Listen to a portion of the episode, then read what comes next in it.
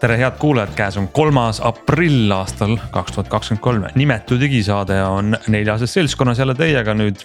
Henrik Roonemaa, Hans Lõugas, Glen Pilvre ja Meelis Väljamäe ja räägime sel nädalal sellest, kuidas äh, ostsime endale uue ja kõige targema tehisintellekti üldse ja vaatame, mida teha oskab. räägime natuke arvutimängudest, üks põnev äh, väljalase tuleb kohe varsti. Mm, miks see on põnev, arutame ja kui palju üldse mängides äh, elukutsena võib teenida, väike inspiratsioonirubriik kõigile tulevastele supermängijatele. Äh, mida uut on Microsoft Teamsis ja võib-olla isegi jõuame rääkida ühest põnevast, erutavast, odavast teemast. maailma kõige odavam elektriauto oli meil käsutuses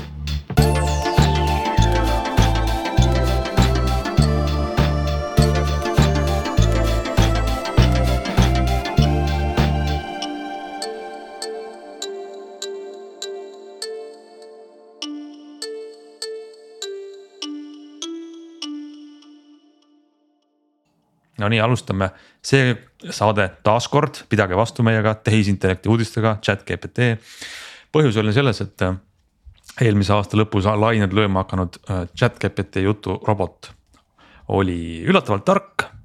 tema versioon oli kolm koma viis ja nüüd märtsis tuli välja siis äh, samadelt tegijatelt, samalt äh, organisatsioonilt, OpenAI-lt uus äh, GPT neli mootor, mis siis peaks olema oluliselt äh, targem kui siis eelmine aasta juba väga targana tundunud tehisintellekt.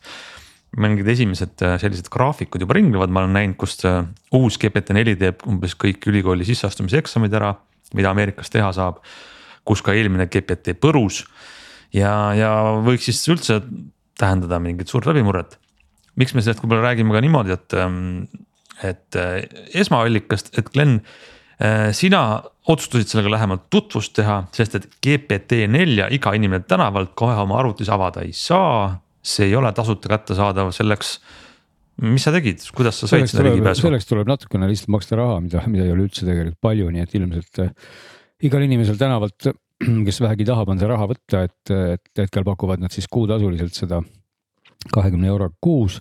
küll aga on seal selline piirang, et sa saad siis kolme tunni jooksul rääkida temaga kakskümmend viis korda ehk et kakskümmend viis küsimust kolme tunni jooksul ja siis on, pannakse tõkkepuu ette. see kõlab nagu mingi kuulsus on, tuleb linna, siis ta annab mingi kõigile lühikesi lõunaid niimoodi, et Just. minuga saad rääkida viisteist minutit, et vabandust, mul on nii väga, kiire päevakava. väga pikalt temaga kahjuks asju arutada ei saa, et sul on võimalik siis valida seal tegelikult kolme mudeli vahet, kas siis kolm punkt viis nii-öelda kaks versiooni, selline legacy või default legacy on siis nagu see kõige vanem mudel ja, ja, ja siis neli, mis on uuem. et ähm, ja ega siis no,. kuidas siis on muljed temaga rääkimisest no,? muljed on ausalt öeldes ikkagi, äh, muljed on ikkagi päris head loomulikult või, või kas, kas siis öelda selle kohta hea või halb, et ta on nagu loomulikult ikkagi ülimalt tark et see äh, noh, ma, ma ei ole mingisugune psühholoog ja ei hakanud hindama tema IQ taset, eks ole, mida maailmas on juba ka ju tehtud ja, ja küll on küsitud ta käest, kuidas saada rikkaks, kui mul on üks dollar ja, ja sealt tuleb vastuseid, nii et mühiseb, nii et tegelikult neid valdkondi, millest temaga rääkida on ilmselt täiesti nagu lõputult, et. et noh, ma, ma lähenesin võib-olla esialgu sellise paari väga eestlaslikult elulähedase küsimusega.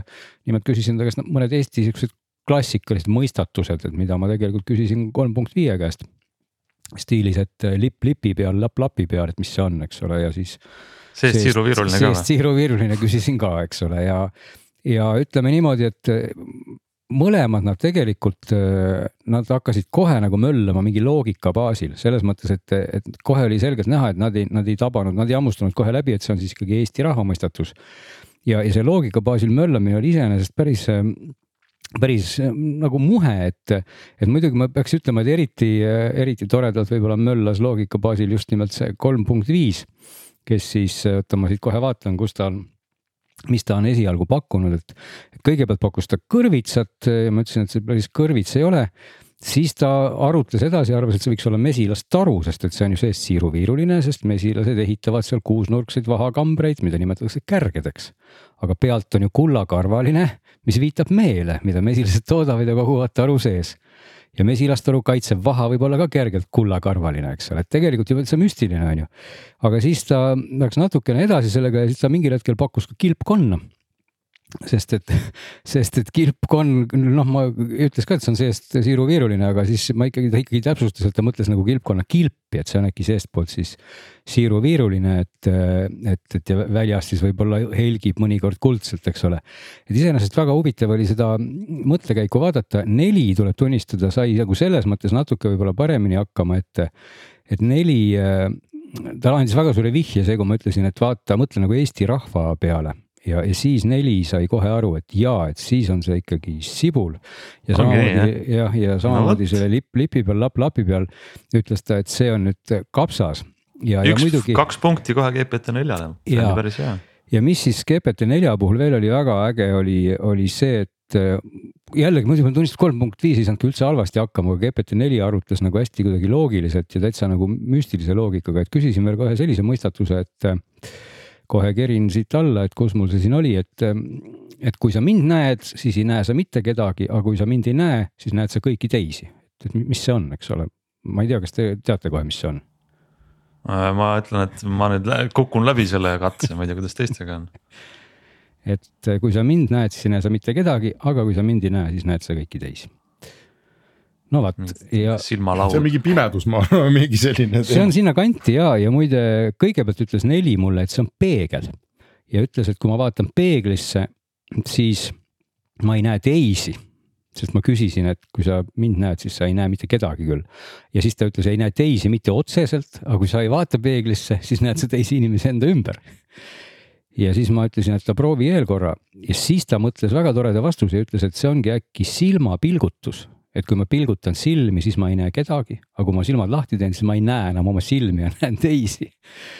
ja, ja peale seda ma ütlesin, et see on küll päris lähedal, aga mõtle sealt natuke edasi ja siis ta ütles, aga siis, kui sul on ju silmad kinni, siis on ju pime. ja, ja siis ta ütleski, et see ilmselt on siis pime.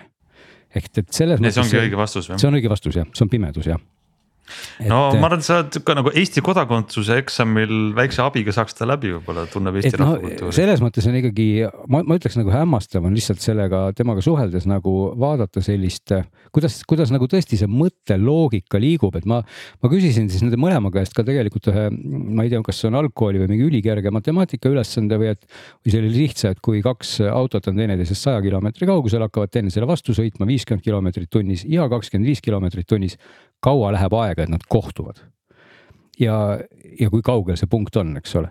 et ega see ka esimese pilguga ei ole ju päris selline küsimus, et võib-olla võtab ennastki nagu mõtlema, et kuidas sa seda peast nagu ruttu lahendaksid, et, et. et kas, kas teil tekib kohe peast nagu mahtu no, lahenduskäik, kuidas sa, sa jagasid minuga seda enne saadet ja ma natuke mm -hmm. pidin arvutama seda, et äh, vaatad siis, kuhu üks jõuab selle ajaga, kuhu teine jõuab ja, ja. ja et noh, ütleme klassikaliselt, mina mäletan kooliajast tehti nagu kohe mingi kaks võrrandit, tehti mingid võrrandid ja hakati sinna sisse panema mingeid muutujaid ja küll aga, kui ma seda nüüd nelja käest küsisin, siis neli tegi selle ausalt öeldes üliloogiliselt ja õigesti, et ta ei hakanud üldse nagu mingite võrranditega möllama, vaid ta ütles mulle kohe, muidugi, kõigepealt leiame, kui kaua võtab aega, et kaks autod kohtuvad, kuna autod liiguvad teineteises suunas, siis liidame nende kiirused, et liit, saada teada nende suhteline kiirus. Põmdi liitis selle ära, ütles seitsekümmend viis kilomeetrit tunnis. nüüd peame leidma, kui kaua võtab aega, et nad läbivad ühiselt sada kilomeetrit ja selleks jagame kauguse nende suhtelise kiirusega, jagas saja kilomeetrit seitsmeteist viiskümmend tunnis ja sai kohe selle õige vastuse, mis ongi tegelikult siis põhimõtteliselt üks koma kolmkümmend kolm tundi, eks ole ja, või üks tund ja kakskümmend minutit siis, eks ole, kui me räägime minutitest. siis edasi sealt oli juba väga lihtne, et noh, siis peame leidma, kaugel on kohtumispunkt ja, ja siis ta lihtsalt vastavalt sellele kiirusele ja ajale saigi põmm need punktid, mis on siis vastavalt kuuskümmend kuus koma kuus kilomeetrit ja kolmkümmend kolm koma kolm kilomeetrit. ja, ja ta kõik kirjutas selle väga õigesti välja ja samale küsimusele nüüd GPT kolm punkt viis hakkas ka kohe väga hoogsalt siin loogikat arendama, nägi väga hea välja noh, alguses nagu nii-öelda lahenduskäiguna, et, et isegi nagu võib-olla selline rohkem koolimatemaatika, et ta pani kohe tähed valemitesse, et nii arvutame kohe välja, kasutame valemit, aeg on võrdne kaugus jagada kiirus ja siis olgu teeaeg ja kõik oli väga õige, aga kus ta tegi tegelikult väga saatusliku vea, oli seal, et selle asemel, et siis jagada nagu sada selle seitsmekümne viiega, ta arvas millegipärast, et kuna need autod sõidavad teineteisele vastu ja kohtuvad poole peal, ta võttis kuskilt mingi siukse imeliku mõiste, siis ta jagas selle sada aga kahega kõigepealt. Ja siis ta jagas nagu viiskümmend seitsmekümne viiega ja sai lihtsalt kaks korda väiksema aja. Ja ütles mulle, et kohtuvad neljakümne minuti pärast. Mul on tunne, et, ähm, et see GPT nelja no siin on kindlasti väga palju veel erinevaid nurke, kus seda uurida. aga, aga kui GPT kolm tuli või siis kolm koma viis oli tunne, et noh, et esimene üllatus oli, et ta ikkagi väga kiiresti ja teravalt vastab äh, pea kõigile küsimustele. aga sinna sisse viskavad vead loogikavead, faktivead, no ütleme selline pigem sihuke veamäär, mitte et kogu jutt oleks vale, aga kuskil detailides tekivad vead.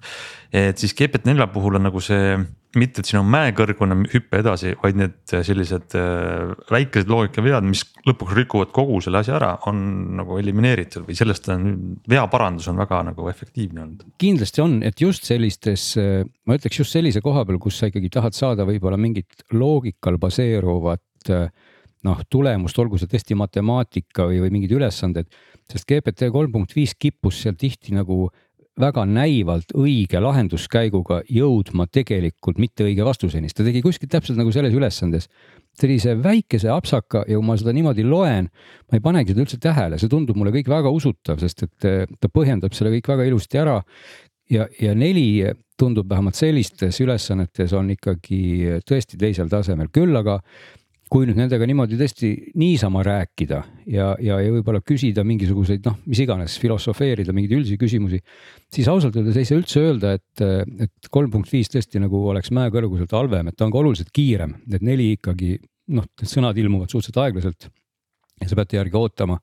kolm punkt viis tulistab selle niimoodi rauhti ära ja kui sa tahad näiteks mingeid tekste tõlkida, siis samamoodi seal on erinevused, aga jällegi ei saaks öelda, et, et see, see vahe nagu mulle väga suur ei tundunud, vähemalt me räägime, eks ole, eestikeelsest. Äh, aga minu arust selle kiiruses on ka teatud äh, nii-öelda paketi vahe, et, et kui sul on tasuta pakett, on see kiirus piiratud ja. ei no mul on noh jah, mul on hetkel niikuinii nagu... tasuline, et, et muidu ma nelja üldse ei saakski.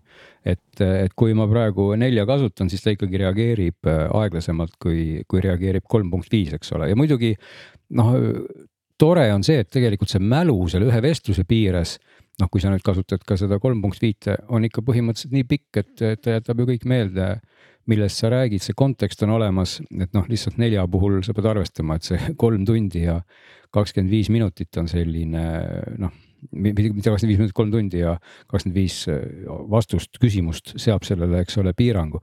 aga, aga noh, mis ikkagi veel kord siin tasub nagu rõhutada üle, et, et me nagu kasutame mõistet keelemudel ja millegipärast noh, tihti siin on ka spetsialistid justkui nagu selles mõttes minu arust nagu natuke alahinnanud seda, rõhutades seda, et noh, et sa ei, ta ei tee suurt midagi muud, kui lihtsalt paneb statistiliselt mingisuguseid äh, sõnade tõenäosuse esinemissagedusi ritta, mis on nagu väga eksitav väide, ma julgeks öelda, et, et ta ei tee kaugeltki ainult seda, et noh, sellisel põhjal sa ei saa lahendada ära mingeid mõistatusi ega matemaatika ülesandeid, kui sa lihtsalt statistiliselt paned sõnu ritta, et, et see on ikkagi nagu kaugelt midagi muud, et, et temaga suhtlemine ja rääkimine noh, ei, ei ole selline, et lihtsalt ta noh, piltlikult nagu mingi pime muinasjutuvestja sulle lihtsalt suvalisi asju ette plähmerdab, et, et, et nii see ei ole. nojah, ja, ja, ja tal on, aga samas on tal vähemalt sellel, mis on siis chat GPT versioonis, see GPT neli on, on ka see piirang, et, et andmed on tal ikkagi veel ka aastast kaks tuhat kakskümmend üks. ka neljal, et seda ta ja, ütleb ka ise kohe, et, et, et, et ja siin on ka olnud väga vastuolulist infot selle kohta muidugi, et kas Bing kasutab nelja või mitte, et, et alati võib nende käest ise küsida muidugi, mida nad ju kasutavad aga, aga noh, seda vastust ei pea ka puhta kullana ilmselt ei saa võtta, sest et Bing ise väidab, et ta ei kasuta nelja, Bing ise ütleb, et ta põhineb ka kolm punkt viiel. Et või kolmel, et, et aga loomulikult noh, see, see võib-olla ei ole kõige adekvaatsem infoallikas, eks ole, aga, aga noh, sellegipoolest, et tihti nendega suheldes, nende tehisintellektidega, siis ükskõik millistega sa tabadki ennast nagu mõttelt, et mõnikord sa ei tule sellegi peale, et võiks ju tegelikult tema käest küsida kõike seda, mida sa muidu nagu ei teeks, et stiilis, et noh, täpselt tema, tema enda kohta nii-öelda, eks ole, sest et, et ka see info on ju tal tegelikult olemas, eks ole et, et noh, jah. no väga hea, sa said igatahes meile nüüd siis anda väikse eelhoiatuse. GP4 tundub olevat targem kui kolm koma viis. ja kindlasti kuuleme sellest siin veel palju-palju rohkemgi ja no, muide, ma vaatasin praegu, nad on ise oma kodulehel väga naljakalt äh, võrdlevad oma seda chat GPT kolm, kolm viite ja nelja. Äh, nad on pannud erinevad äh, küll Ameerika standardi sellised eksamid mm. graafikusse. Et mitu punkti siis suutis erinevatel eksamitel või standardtestides saavutada kolm koma viis ja palju on neli saavutanud ja. ja noh, siin on näha, et, et chatGPT neli on ikkagi hüppeliselt parem õpilane kui kolm koma viis oli, et kolm koma viis vedas on, ennast läbi on, ja mõnes testis läbi, oli jah. nagu päris noh, isegi mm -hmm. nagu väga hea. aga chatGPT neli on nagu on, on väga-väga hea, et, et ta on ikkagi edasiminekud on, on kõiges olnud ja noh seal on erinevaid natukene tehnoloogilisi erinevusi ka, aga kõige laiemalt võttes või kõige lihtsamalt seletades chatGPT neli on nii-öelda lugenud rohkem raamatuid läbi või noh, et lugenud rohkem materjale läbi. ta on lugenud palju rohkem. palju rohkem jah, teda on treenitud yeah. lihtsalt suurema äh, andmekoguse peal, nii et, et tema see tarkus jah, tuleb sellest. aga, aga noh, siiski tasub, tasub ka öelda, et, täpselt nagu see matemaatika ülesande lahendus ja et, et nagu mõne koha pealt siis, kas see tuleb tema suurest lugemusest, aga näed, ta ei tee selliseid loogikavigu, eks ole, et, et järelikult on tal kusagil kusagil mingisugused impulsid seal tema serverites liiguvad teisiti, eks ole. et siinkohal muidugi äkki peaks ka mainima ikkagi seda, et, et maailma igasugused juhtivad, juhtivad mehed ja, ja naised ilmselt on nagu mures, et mis saab siis, kui välja tuleb GPT viis ja, ja on nüüd öelnud, et tõmbame nüüd sellele kollektiivse piduri, sest et juba GPT viie kohta on öeldud muideks äh, noh, arendajate suunast on tulnud juba lausa selliseid noh, lubadusi või säutse, et see peaks valmis saama selle aasta detsembris ja, ja et, räägitakse, et GPT viis pidi nii-öelda treenimisel olema või siis. treenimisel olema just aga... ja, ja GPT viis siis peaks nii-öelda saavutama siis taseme, mida siis tähistab mitte enam mõiste ai, vaid AGI, mis siis tähendab, kuidas ma ütlen siis tehislik üldine intelligents või artificial general intelligence ei, mina et... seda ei usu, et me AGI-le veel nii lähedal oleme no,. kuigi samas äh, võib juhtuda ka seda, et see asi on lähemal, kui me oskame arvata, eks no,. ütleme, mina tänases olukorras kaldun juba olema selline pessimistlik optimist, et kui ma vaatan, mida teeb see neli, siis ma ausalt öeldes küll ei näe, et see, et see viis nüüd kas ta nüüd on veel AGI, aga ta hakkab ikkagi, ta hüppab veel ühe suure sammu edasi ja see mure muidugi, mis siis nendel äh, tehnikaspetsialistidel on, ongi pigem see, et, et mitte nüüd, et ai tuleb kohe ja, ja vallutab ära maailma selle sõna nagu otseses mõttes, aga pigem see, et, et ta nagu ühiskondlikus plaanis võib kutsuda esile väga suuri nagu muudatusi kuidas ma ütlen, info siis valmistamise, usaldusväärsuse jagamise, töökohtade, kõigi selle osas, et, et kuna see teksti kirjutamine ja loome ja kõik arusaamine nii-öelda äh, piltlikult jutumärkides maailma asjadest on niivõrd hea, et siis, siis võib ta vabalt internetiavarustes möllata nagu inimene. ja, ja temaga kirjutatud tekstid, temaga kirjutatud arusaamine ei eri, erine kuidagi inimeste omaks, omast, mis viib täiesti uuele tasemele ka igasuguse nii-öelda skämmide, valeinfo ja kõiksuguste muude asjade levitamise, kui teda selleks. no ega nagu me keegi ei tea seda, see kõik on ja. väga määramatu ja sellest oli ka tegelikult see pöördumine kiri, et eh, kuna see kõik on noh, riskid on nagu määramatud ja, ja teadmata. selle sotsiaalse poole või töökohtade koha pealt ma nägin mingit numbrit, et esimese lainega on ohus kolmsada miljonit töökohta, et see on nagu päris korralik number ja. ja siis ma jõudsingi järeldusele, et ega siin nagu selles mõttes võib-olla muud teha ei ole, sest see paratamatult ilmselt juhtub mingil hetkel nagunii, aga. aga kuidas siis nagu edasi minna, et noh, osad on, tekivad kindlasti mingid alternatiivsed töökohad, eks ole no,, aga, aga paratamatult me ei pääse üle ega ümber ka sellest, et. et need firmad, kes siis nagu nii-öelda inimtööjõu tehisintellekti vastu üle ära vahetavad, siis varsti võetakse välja mingi tehisintellekti maks, hakatakse, mida nad seda no, võtma ja, ja teine, teine asi muidugi. toetusi. just ja no teine asi, mida ka noh, ühtepidi ma saan sellest murest aru, et tõesti see võidujooks nagu tundub olevat olnud viimastel kuudel tõesti nagu metsik või vähemalt on see sellise kaane alt välja hüpanud, aga teistpidi nüüd öelda. see on tegelikult et... päriselt alanudki nojah, aga, aga siiski noh, on neid keelemudeleid nagu numbrid ka ütlevad, et kolm ja, ja neli ja neid on ju arendatud ennem ka, eks ole, aga lihtsalt nad ei ole kaugeltki sellisel tasemel. aga, aga tahan just öelda seda, et et seal natuke võrdub ka sellise, et tõmbame nüüd pidurit natuke nagu sellega umbes nagu, no kuidas ma toon nagu võrdluseks, et, et, et me arendame võib-olla siin elektriautosid suure hooga ja siis mingil hetkel öeldakse, et kuulge, et tõmbame praegu pidurit, et meil laadimispunkte pole veel nii palju, et ärme neid arenda, et teeme ennem ikka need punktid valmis. et see natuke on seesama koht, et kui me ei arenda ühte, siis ei ei juhtu ka teist, eks ole, et ja, ja samal ajal, kui tõmmata sellele arendusele pidurit ja öelda, et ärme seda tee, siis võibki see kolida nagu jutumärkides hoopis põranda alla ja, ja võib-olla need asutused ja riigid, kes ei ole siis ühinenud sellise moratooriumiga arendavad seda ikka mürinal edasi kusagil või leiavad spetsialiste oma ridadesse, et seda arendada edasi. ehk et siin nagu kindlasti ei ole see koht, kus peaks nüüd äh, kuidagi tõmbamas mingis mõttes pidurit, jätmaks siis teiste jaoks nagu uksed valla, et see on, see on paratamatult valdkond, kus on konkurents, kus on arendus ja, ja pigem peaks kiirustama hoopis sellega, et tõesti siis kas vastavalt seadusandlust järgi kiiresti tuua või, või neid ohte nagu väga ruttu üritada kaardistada. sest et noh, kui pausile panna, noh tehnoloogia ajalugu on näidanud ju üle, üle saja ja rohkem aasta, eks ole, et ühtki uut tehnoloogiat ju ikkagi pausile ei ole õnnestunud panna. ma kipun ka arvama, et see kaardipakk kahjuks või õnneks mängitakse välja ja see, kas inimkond on elus pärast ka ja. pärast chat GPT viit, äh, seda me lihtsalt näeme ja, ja tõenäoliselt on väga ikkagi noh, praktiliselt võimatu täna üleüldse leida põhjendust ja konsensust, et paneme selle nüüd pausile ja see pausile panek iseenesest on juba selline natukene veider konstruktsioon, et et miks siis ainult kuueks kuuks või mis selle kuue kuuga peaks juhtuma? mis siis nüüd juhtub, et mida me muidu ei jõuaks teha, et. jah, ja, ja ja kas me siis noh, kui me vaatame neid inimesi, kes selle alla on kirjutanud, ma kahtlustan, et seal on osa. Osa võivad olla ka sellised äh, inimesed, kes avastavad, et nad on sellest rongist või nende ettevõte on sellest no, rongist maha jäänud. võib seda kahtlustada täiesti ja, isegi ja isegi nimesid nimetades. ja, ja et kui nüüd kõik teised panevad kuueks kuuks pausile ja mina vaikselt keldris seda edasi teen, et.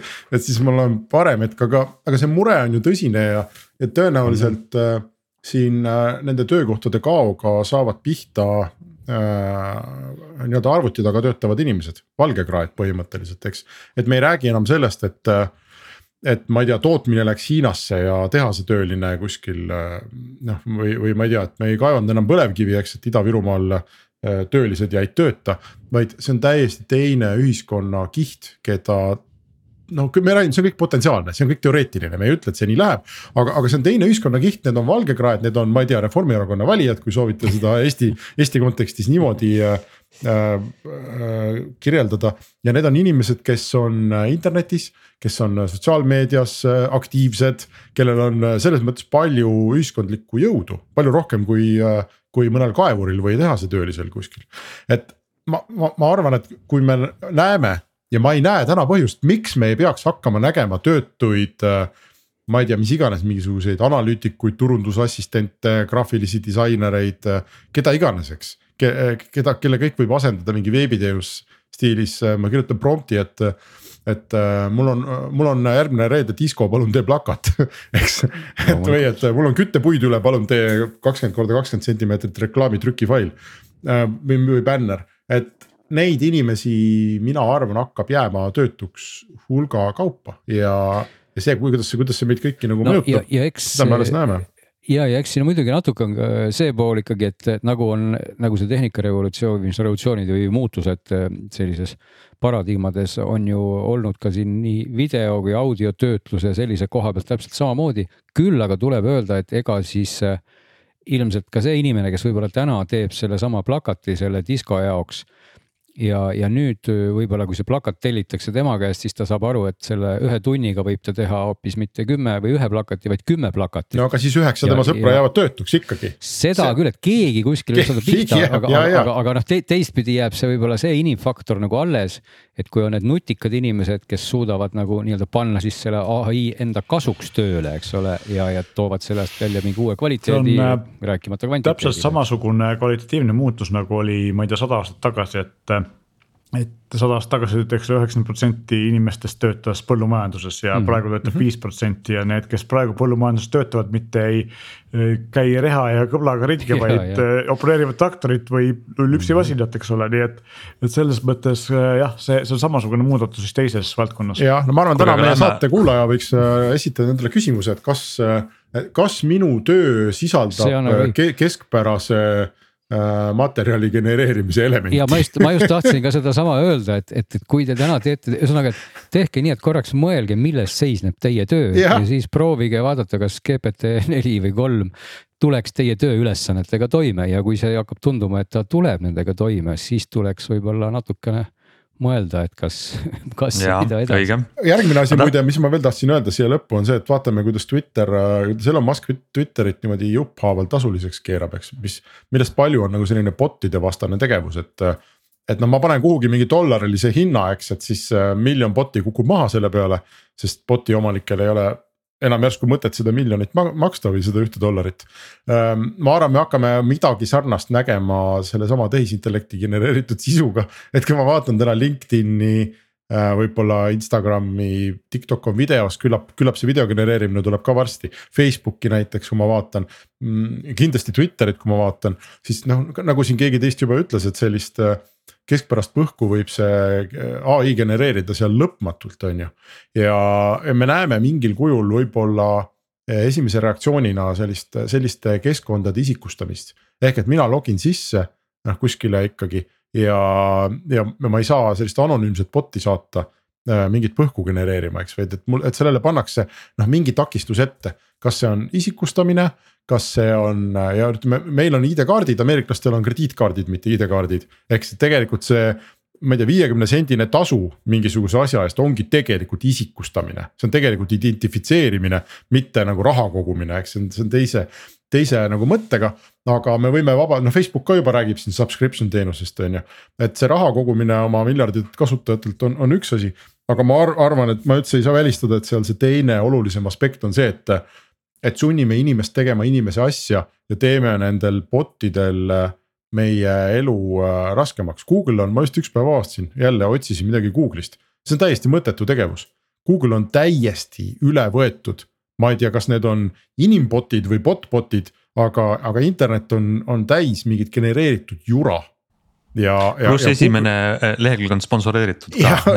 pool on sponsoreeritud ja pool on bot. pool on jura, eks ole, ja siis heal juhul sa lõpuks leiad kuskilt selle tulemuse mingi teiselt kolmandalt lehelt. et Google on tegelikult täiega katki, täiesti meie silme all on Google läinud katki ja see on alles algus, täna ei ole tegelikult GPT genereeritud jura ei ole me nagu veel tegelikult Google'isse no, jõudnudki. siin, siin tasub ka veel mainida seda, et, et kui nüüd igasuguste mudelite poolt genereeritud sisu jõuab laiali ja siis needsamad mudelid sellesama sisu omale ka uuesti sisse söövad ja. ja uuesti laiali ajavad, et tegelikult sellest võib üks paras, paras kaos tekkida igal juhul, et, et, et kui see info läheb juba ei tea mitmendale ringile. ja kui Google ei suuda juba täna teha, teha vahet sellisel seo spämm jural mm -hmm. ja, ja päris sisul siis kujutage ette, mis saab, kui see S ja inimene suudab, on ju, siis kujutage ette, mis saab, kui see seo spämm jura hulk, ma ei tea, sajakordistub, tuhandekordistub, võib-olla miljonikordistub veebis, sest seda on noh, reaalajas põhimõtteliselt ülilihtne nagu äh, toota.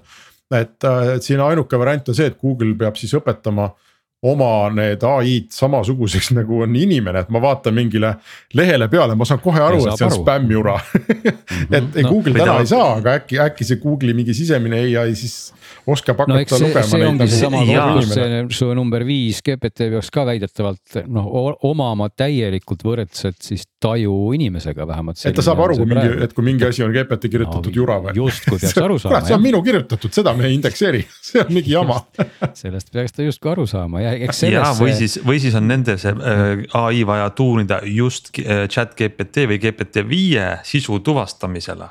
mis äh, saad aru, et seda me peame vältima otsingu tulemustes, et ta on sihuke nagu vastast, vasta no,. eks, eks me tegelikult olemegi praegu ikkagi selle, kas siis kuristiku või selle serva peal, kus, kus tegelikult, kui me teeme piltlikult öeldes nagu muna samasuguseks nagu kana ja veel paremaks, siis on väga raske hakata eristama ühel teist, et, et et kuidas sa saad piltlikult öeldes sellesama asjaga mõõta sedasama asja, eks ole, et. kuulge, aga räägime see saade muudest teemadest ka mul on tegelikult väga hea üleminek ka järgmisse teemasse, et kui siin kolmsada miljonit inimest jääb töötuks, mida siis, mis uued ametid on ja lihtsalt oli eelmine nädal väike nupp ühest Eesti inimesest, kui palju ta raha teenib. ja mul tegelikult ei ole isiklikult äh, huvi konkreetse inimese kellegi rahakoti piilumise vastu, aga minu arust on see väga positiivne, inspireeriv lugu ja uudis.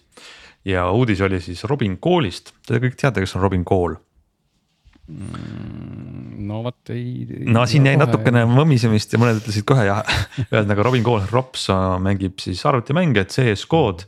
Ehm, ta vist lausa märtsi viimasel pühapäeval või?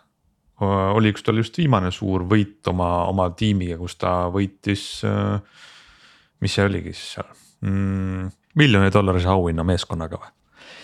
ta on põhimõtteliselt on tegu siis äh, maailma tippsportlasega e-spordis ja tema ettevõtte tulu eelmine aasta oli mitte siis tema meeskonna, vaid isiklik oli ettevõtte tulu ligi kaheksasada tuhat eurot.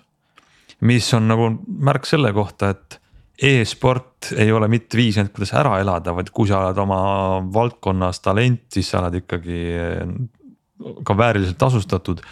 mis, mis tuleb siis nii sellistest suurvõitudest, turniiridelt, kus meeskonnad saavad auhinnaraha tuleb äh, palgast, mida sulle makstakse sportlasena klubis. see tuleb äh, sponsoritelt, sest et tippsportlasel on palju tähelepanu, loomulik on seal tähelepanu juures on sul ka sponsorlepingud äh,, reklaamid. lisaks ka veel igasugused digitaalsed äh,, mis siis võiks öelda, digitaalne nänn või, mida saad ka müüa fännidele ehk siis äh, muidugi igaüks ei saa hakata tippsportlaseks, tipus on kitsas, on ju, sinna jõuab ainult üks ja, ja Robin Kool on Eesti parim. aga, aga tegelikult on kindlasti ka ruumi allpool, ehk siis täiesti uus selline majandusvaldkond, meelelahutusvaldkond millel on miljoneid jälgijaid ja huvilisi ja mis võib-olla ei saagi nii palju tähelepanu, mille peale ei mõelda. seda küll, teisalt, kui sa ütlesidki, et tipus on kitsas ja allpool on ruumi, et ma nagu näen seal natuke just seda ohtu, et et kuidas ma siis nagu seda sõnastaksin, et, et kui sa võrd-, kui me toome nagu võib-olla paralleele nagu, nagu muude aladega, olgu selleks siis näiteks ta, ta, tavapärane sport, kus inimesed ikkagi oma keha rohkem liigutavad või, või miks mitte ka mingisugused selliste kunstitalentide arendamine nagu, nagu, nagu pillimehe, pillimehed, pillimängud või tähendab sellised asjad kui sa nendega tegeled seal allpool ja sa ei jõua, ütleme tippu, mida juhtub ju enamikega meist, noh, ma ei tea, kui sa, kui sa laulad või jooksed kiiresti või suusatad või hüppad kõrgust, siis need kõik asjad tegelikult sinu elukvaliteeti üldises mõttes võiksid justkui parandada. aga kui sa nüüd istud oma päevad ja ööd keldris ja mängid arvutimänge ja ei jõua püramiidi tippu siis ilmselgelt sinu üldist elukvaliteeti see tegevus ei paranda, et see on nagu natuke no, sihuke ohukoht on..., mina julgeks öelda selle koha pealt. jah, aga, aga see et, ei et, puutu et, ainult e-sporti, et kui sa ka ütleme kakskümmend neli tundi mängid süntesaatorit ja mängid süldimuusikat, ma arvan, et see ei ole ka väga tervislik no, sulle ega ümberolijatele no,. vaevalt keegi seda nüüd no, kodus ka sellisel kujul nagu, nagu otseselt. ja samamoodi ei et, ole tervislik ka seitse päeva nädalas käia joosta maratoni või võidust hüpata, see on väga tervisele kahjulik. võin isiklikult no, öelda. lihtsalt ei no jah, pigem ma nagu tahtsin seda külge ähm... natukene esile tuua, et, et ühtepidi on loomulikult sellisel kujul e-sport e, üldse muidugi noh, vot see, see on natuke selline koht, kus ka ma, ma olen võib-olla sihuke vanakooli inimene, mulle nagu tundub, et kas ma arvuti mängimist päris nagu spordiks tahaks nimetada. no okei okay,, ta, ta, me oleme nagu kokku leppinud, et me justkui nimetame, aga mulle tundub, et sport on ikkagi nagu midagi sellist, kus, kus ma tõesti nagu jooksen või vehin või möllan. arvuti, arvuti mängimine on täpselt sama palju sport kui vormeliga sõitmine teate no., kui põnevad on ähm, äh, sellised ja. Äh, Youtube'i ülekanded äh, malematšidest, kus inimesed istuvad ja küürutavad, on, on kehva rühiga ja liigutavad oli, ainult oma näppe. see, see oli väga hea, see oli väga hea mõiste, mina ka hea meelega liigitaks ka male sellest asjast välja, tähendab, see on no, minu probleem. mitte, ma, mitte, mitte, et ma tahaks öelda, et, et peaga mõtlemine oleks kuidagimoodi halb või et malemängijad on kuidagimoodi halvad, rääkimata arvutimänguritest, aga lihtsalt minu jaoks nagu sõna sport nagu kangastub füüsilise liikumisega, et see, see on võib-olla, võib-olla ma olen seda sõna hakanud valesti siis sõnastama enda jaoks, et. et see on sama nagu siin hiljuti tehti, minu arust oli see keelepäeval küsitlus, et mis asi on liiderlik ja mis on osavõtlik ja siis tuli välja, et enamik inimesi arvab, et liiderlikud inimesed on head liidrid ja osavõtlikud võtavad kõigest osa. nii et, nii et selles mõttes üks sõnu saab võib-olla väga erinevalt mõelda, aga kusagil on nagu selline klassikaline tähendus, et loomulikult malet on ilmselt nimetatud spordiks kogu aeg, et sinna valdkonda on läinud lihtsalt sellepärast, et selles võisteldakse, aga, aga, aga jah, ma ei taha kuidagi öelda, et ärge, ärge mängige nüüd arvutimänge, aga ma. kuule, aga arvuti. Äh, nii, jah. ei, ma tahtsin just Hendrikult küsida kohe, et arvuti mängimiseks on nüüd veel põhjust mm,. Äh, midagi head tuleb välja. vaatad saatefaili ja leiad sealt uue Zelda jah, ma mõtlesin, ma panen inimestele, kellel on äh, probleeme liigse produktiivsusega, mõtlevad, et peaks vähem tegelema asjalike asjadega lihtsalt väike info ja teie arvutimängu jutu juurde ja et. kas selliseid inimesi on, ma tahaks küsida. no,. kindlasti, kaksteist mai kaks tuhat kakskümmend kolm tuleb siis välja uus äh, Nintendo'le uus äh, Legend of Zelda äh, arvutimängusari Tears of the Kingdom ja see on palavalt oodatud, ega seda väga tihti ei juhtu, et mõni uus Zelda mäng ilmub. Ja juba on seal sellised demod ja turundus käib täie hooga, et mängudisainerid on siin jaganud videoklippe, kuidas nad mängivad ja millised on uued mida kõike uut saab teha ja sulle antakse ikkagi selline suur muinasjutumaailm ette, kus kus saab üht-teist ette võtta, et siis alates kaheteistkümnendast maist, kes on Nintendo Switch'i omanikud, võivad siis planeerida, ma arvan, sellise nädalakese või rohkem äh, aeglasemat aega, et ei tasu suuri töö, tööplaane või ma ei tea, võib-olla ka kooli lõputöö kirjutamise plaane siis teha aga miks ma ikkagi Nintendo mänge ei saa mängida mujal kui ainult seal Switch'is, ma küsin niimoodi siukse, siukse lahtise küsimuse, retoorilise küsimuse. sest Nintendo ei tee muid äh, mänguseadmeid no,. miks nad ei tee noh?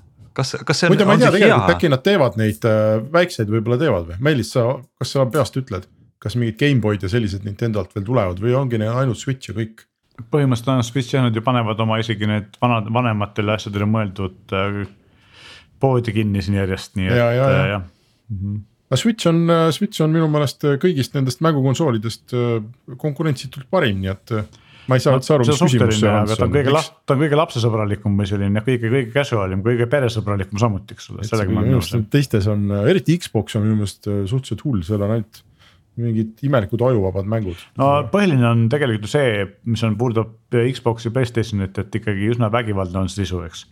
ja Nintendo'l on vastupidi, nüüd on küll tekkinud sinna ka see suuremaid ja natukene karmimaid asju, aga, aga ta on ikkagi hästi selline jah, laste ja peresõbralik. ei no Nintendo no, tean... universum on lihtsalt, ta on selline huvitav, noh, ta ei, ta kõik ei näe välja nagu mingi Vin Dieseli film, vaid äh, see on.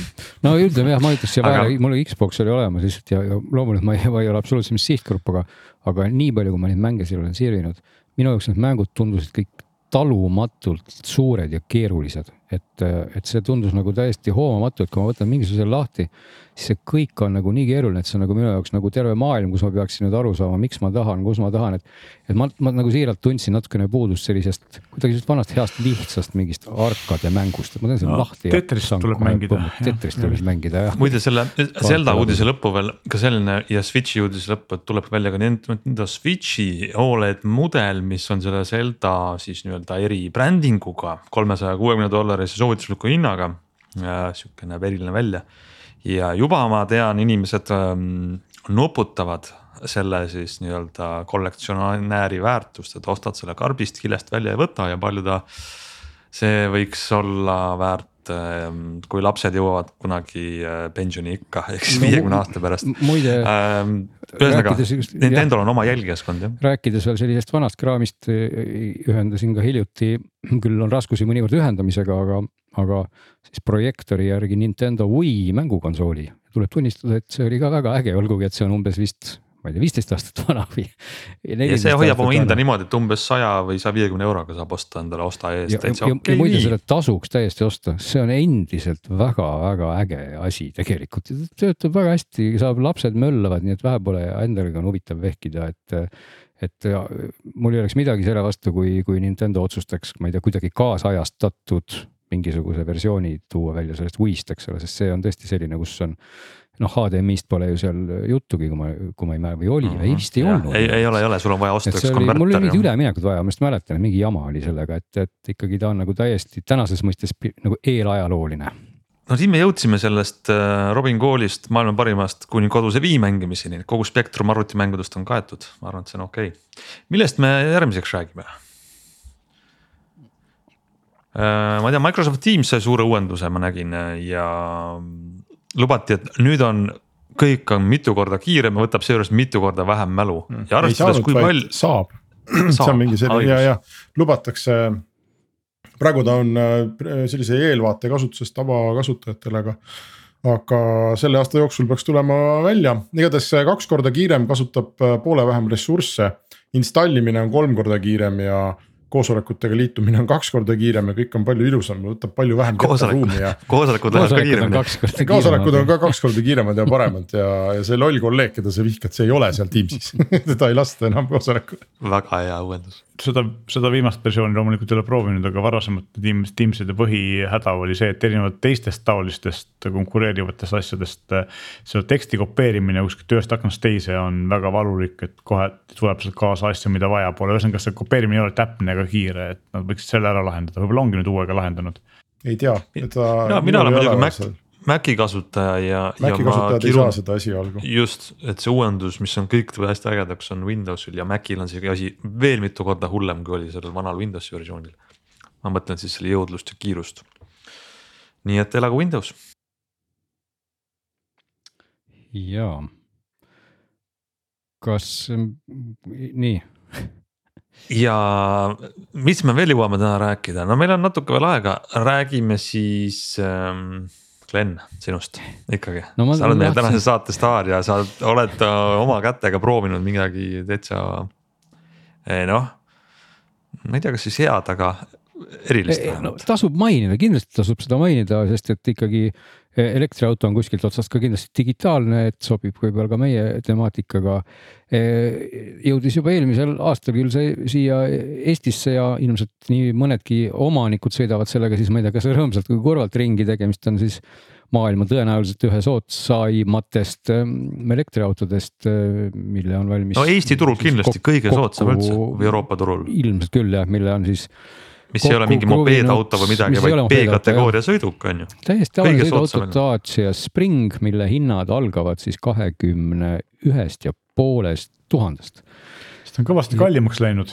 no näed, et. sest mina mäletan Springi hind oli mingi seitseteist tuhat või midagi sellist siin. no täna tasub arvestada, et sellest läheb nüüd küll äh, hetkeseisuga, siis võib ära lahutada selle toetuse, mis siis uue auto puhul on, on viis tuhat eurot ja mis sellise hinnaklassi puhul ju on täitsa vaata, et neljandik peaaegu kogu auto hinnast, nii et põhimõtteliselt siis umbes seitsmeteist tuhandega saad sa tuttu elektriauto.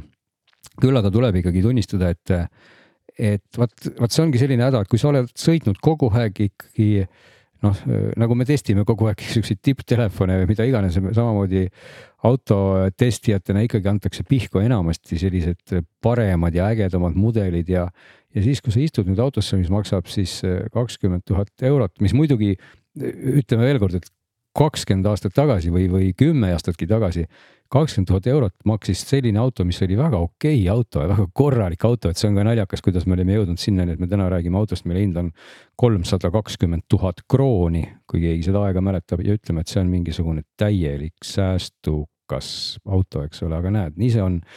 ehk et seal on siis kõike nii vähe, kui täpselt nii vähe, kui saab olla üldse, et auto saaks liikuda punktist A kuskile mujale.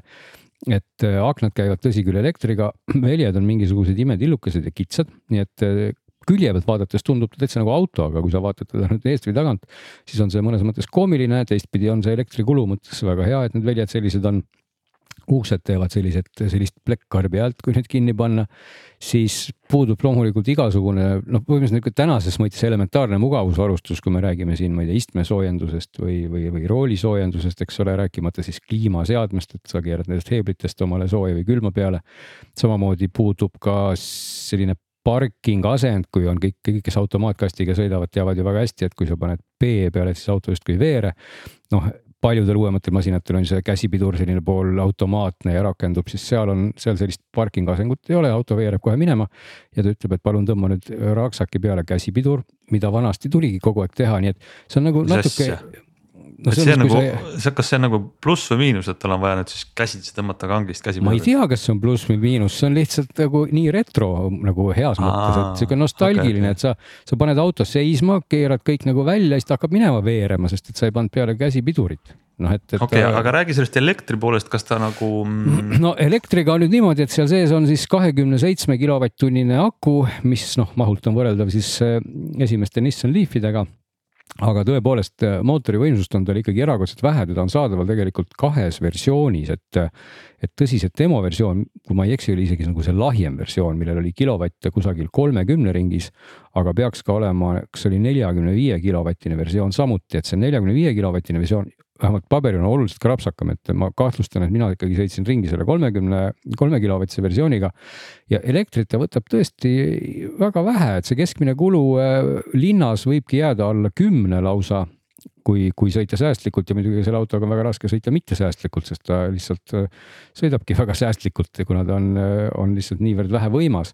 aga maanteel ikkagi sõites on maantee jaoks see auto tõesti, noh, ta, ta sobib sellisel juhul kui äh, teil on niisugune väga zen äh, nagu närvikava ja te tahate jõudagi täpselt ühest kohast teise sama ruttu nagu kõige aeglasem rekka, kes teie ees sõidab, siis on see väga okei okay,, et siis võibki sinna taha jääda sõitma, sest et mööda sõita sellega ikkagi kiirustel, mis on suuremad kui üheksakümmend kilomeetrit tunnis on nagu no põhimõtteliselt nagu võimatu, et ta, ta lihtsalt noh, ta ei, ta ei kiirendagi, et, et, et noh, võib-olla saab seal kuidagi napilt seda teha, aga ta ei ole ka mõeldud selleks, et ta ikkagi müriseb maanteekiirusel, ta kõigub ta on selline igas mõttes nagu noh, ütleme siis kipakas on võib-olla õige sõna, aga teistpidi, kui väljas on lumi maas, siin vahepeal sadaski minu proovimise ajal mingisugune sodi maha.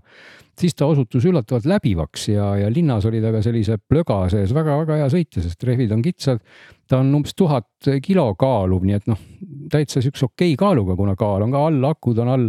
selles mõttes ei saa justkui öelda midagi halba, aga muidugi see rool on ka selline, et nagu noh, ta ikkagi meenutab, ma ei ole küll sõitnud bussiga, aga ma arvan, et ma ei, ma ei tee ei tee liiga kellelegi, ma ütlen, see bussirooli selles mõttes, et sa pead ilmselt keerama mingisugune, mulle tundus, et vähemalt mingi kuus pööret, et ühest servast teise keerata, et. et, et, et kuna, kuna siis roolivõimuga on tal ka vist probleeme, et, et osadel mudelitel minu arvates ei ole seda roolivõimu üldse, vist mingi lisane on, nii et. ilmselt sellepärast see rooli ülekanne on natuke selline, et keera rohkem, pööra vähem, ütleme selle kohta ja, ja kui sa.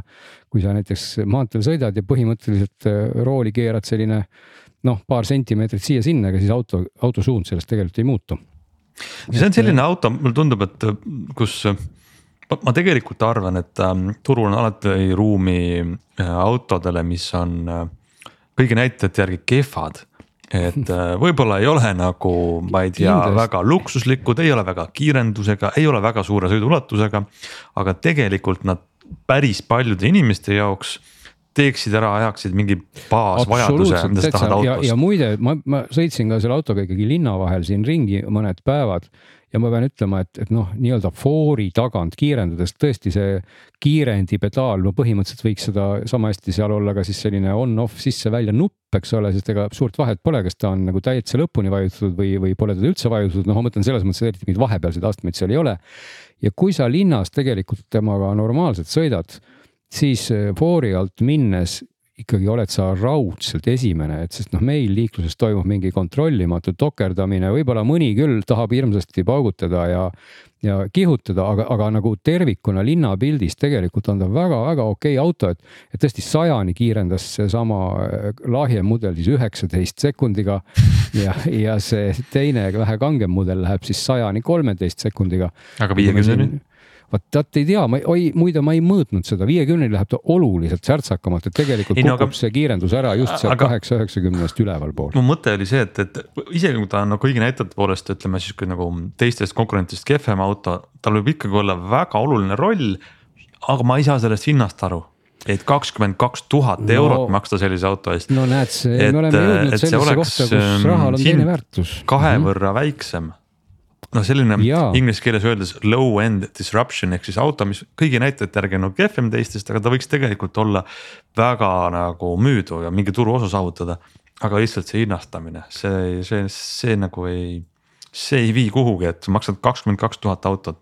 no ikkagi rõhutame, et täna ei maksa hetkel Eestis kakskümmend kaks tuhat, aga ikkagi jääb natukene see küsimus, et kui sul on nüüd rahakotis seesama viisteist pluss tuhat eurot, et kas sa tõesti võtad selle eest nüüd selle auto või sa võtad näiteks mingisugune neli-viis aastat vana Nissan Leafi.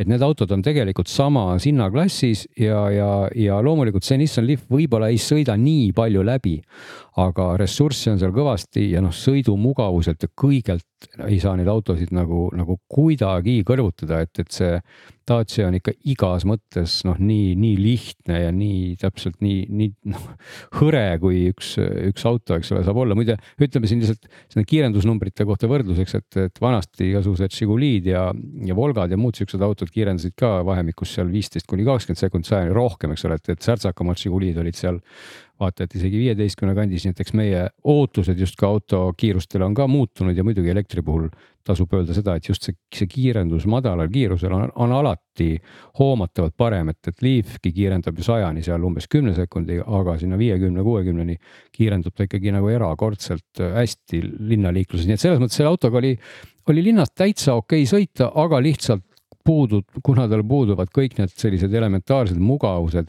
siis see, see on võib-olla see koht, kus tõesti mõtled, et aga miks ma ikkagi täna pean nii palju kulutama, et noh, igaüks vaatab ju, palju ta selle raha eest nagu, nagu vastet saab ja, ja kas, kui sa ostad täna tuttuue Springi, no siis ilmselgelt on see ikka sõnast investeering ja auto, need on omavahel väga-väga kaugel, et, et, et, et kui ruttu see raha sinna auto sisse ära sulab, on noh, tõenäoliselt väga-väga väike on see aeg ikkagi arvata on, igatahes aitäh, Glen, et sa meie eest seda kõigi eest testisid, proovisid, jagasid kogemusi. ma arvan, et sellega võime tänasele saatele tõmmata joone alla ja digisaade on tagasi teiega juba nädala aja pärast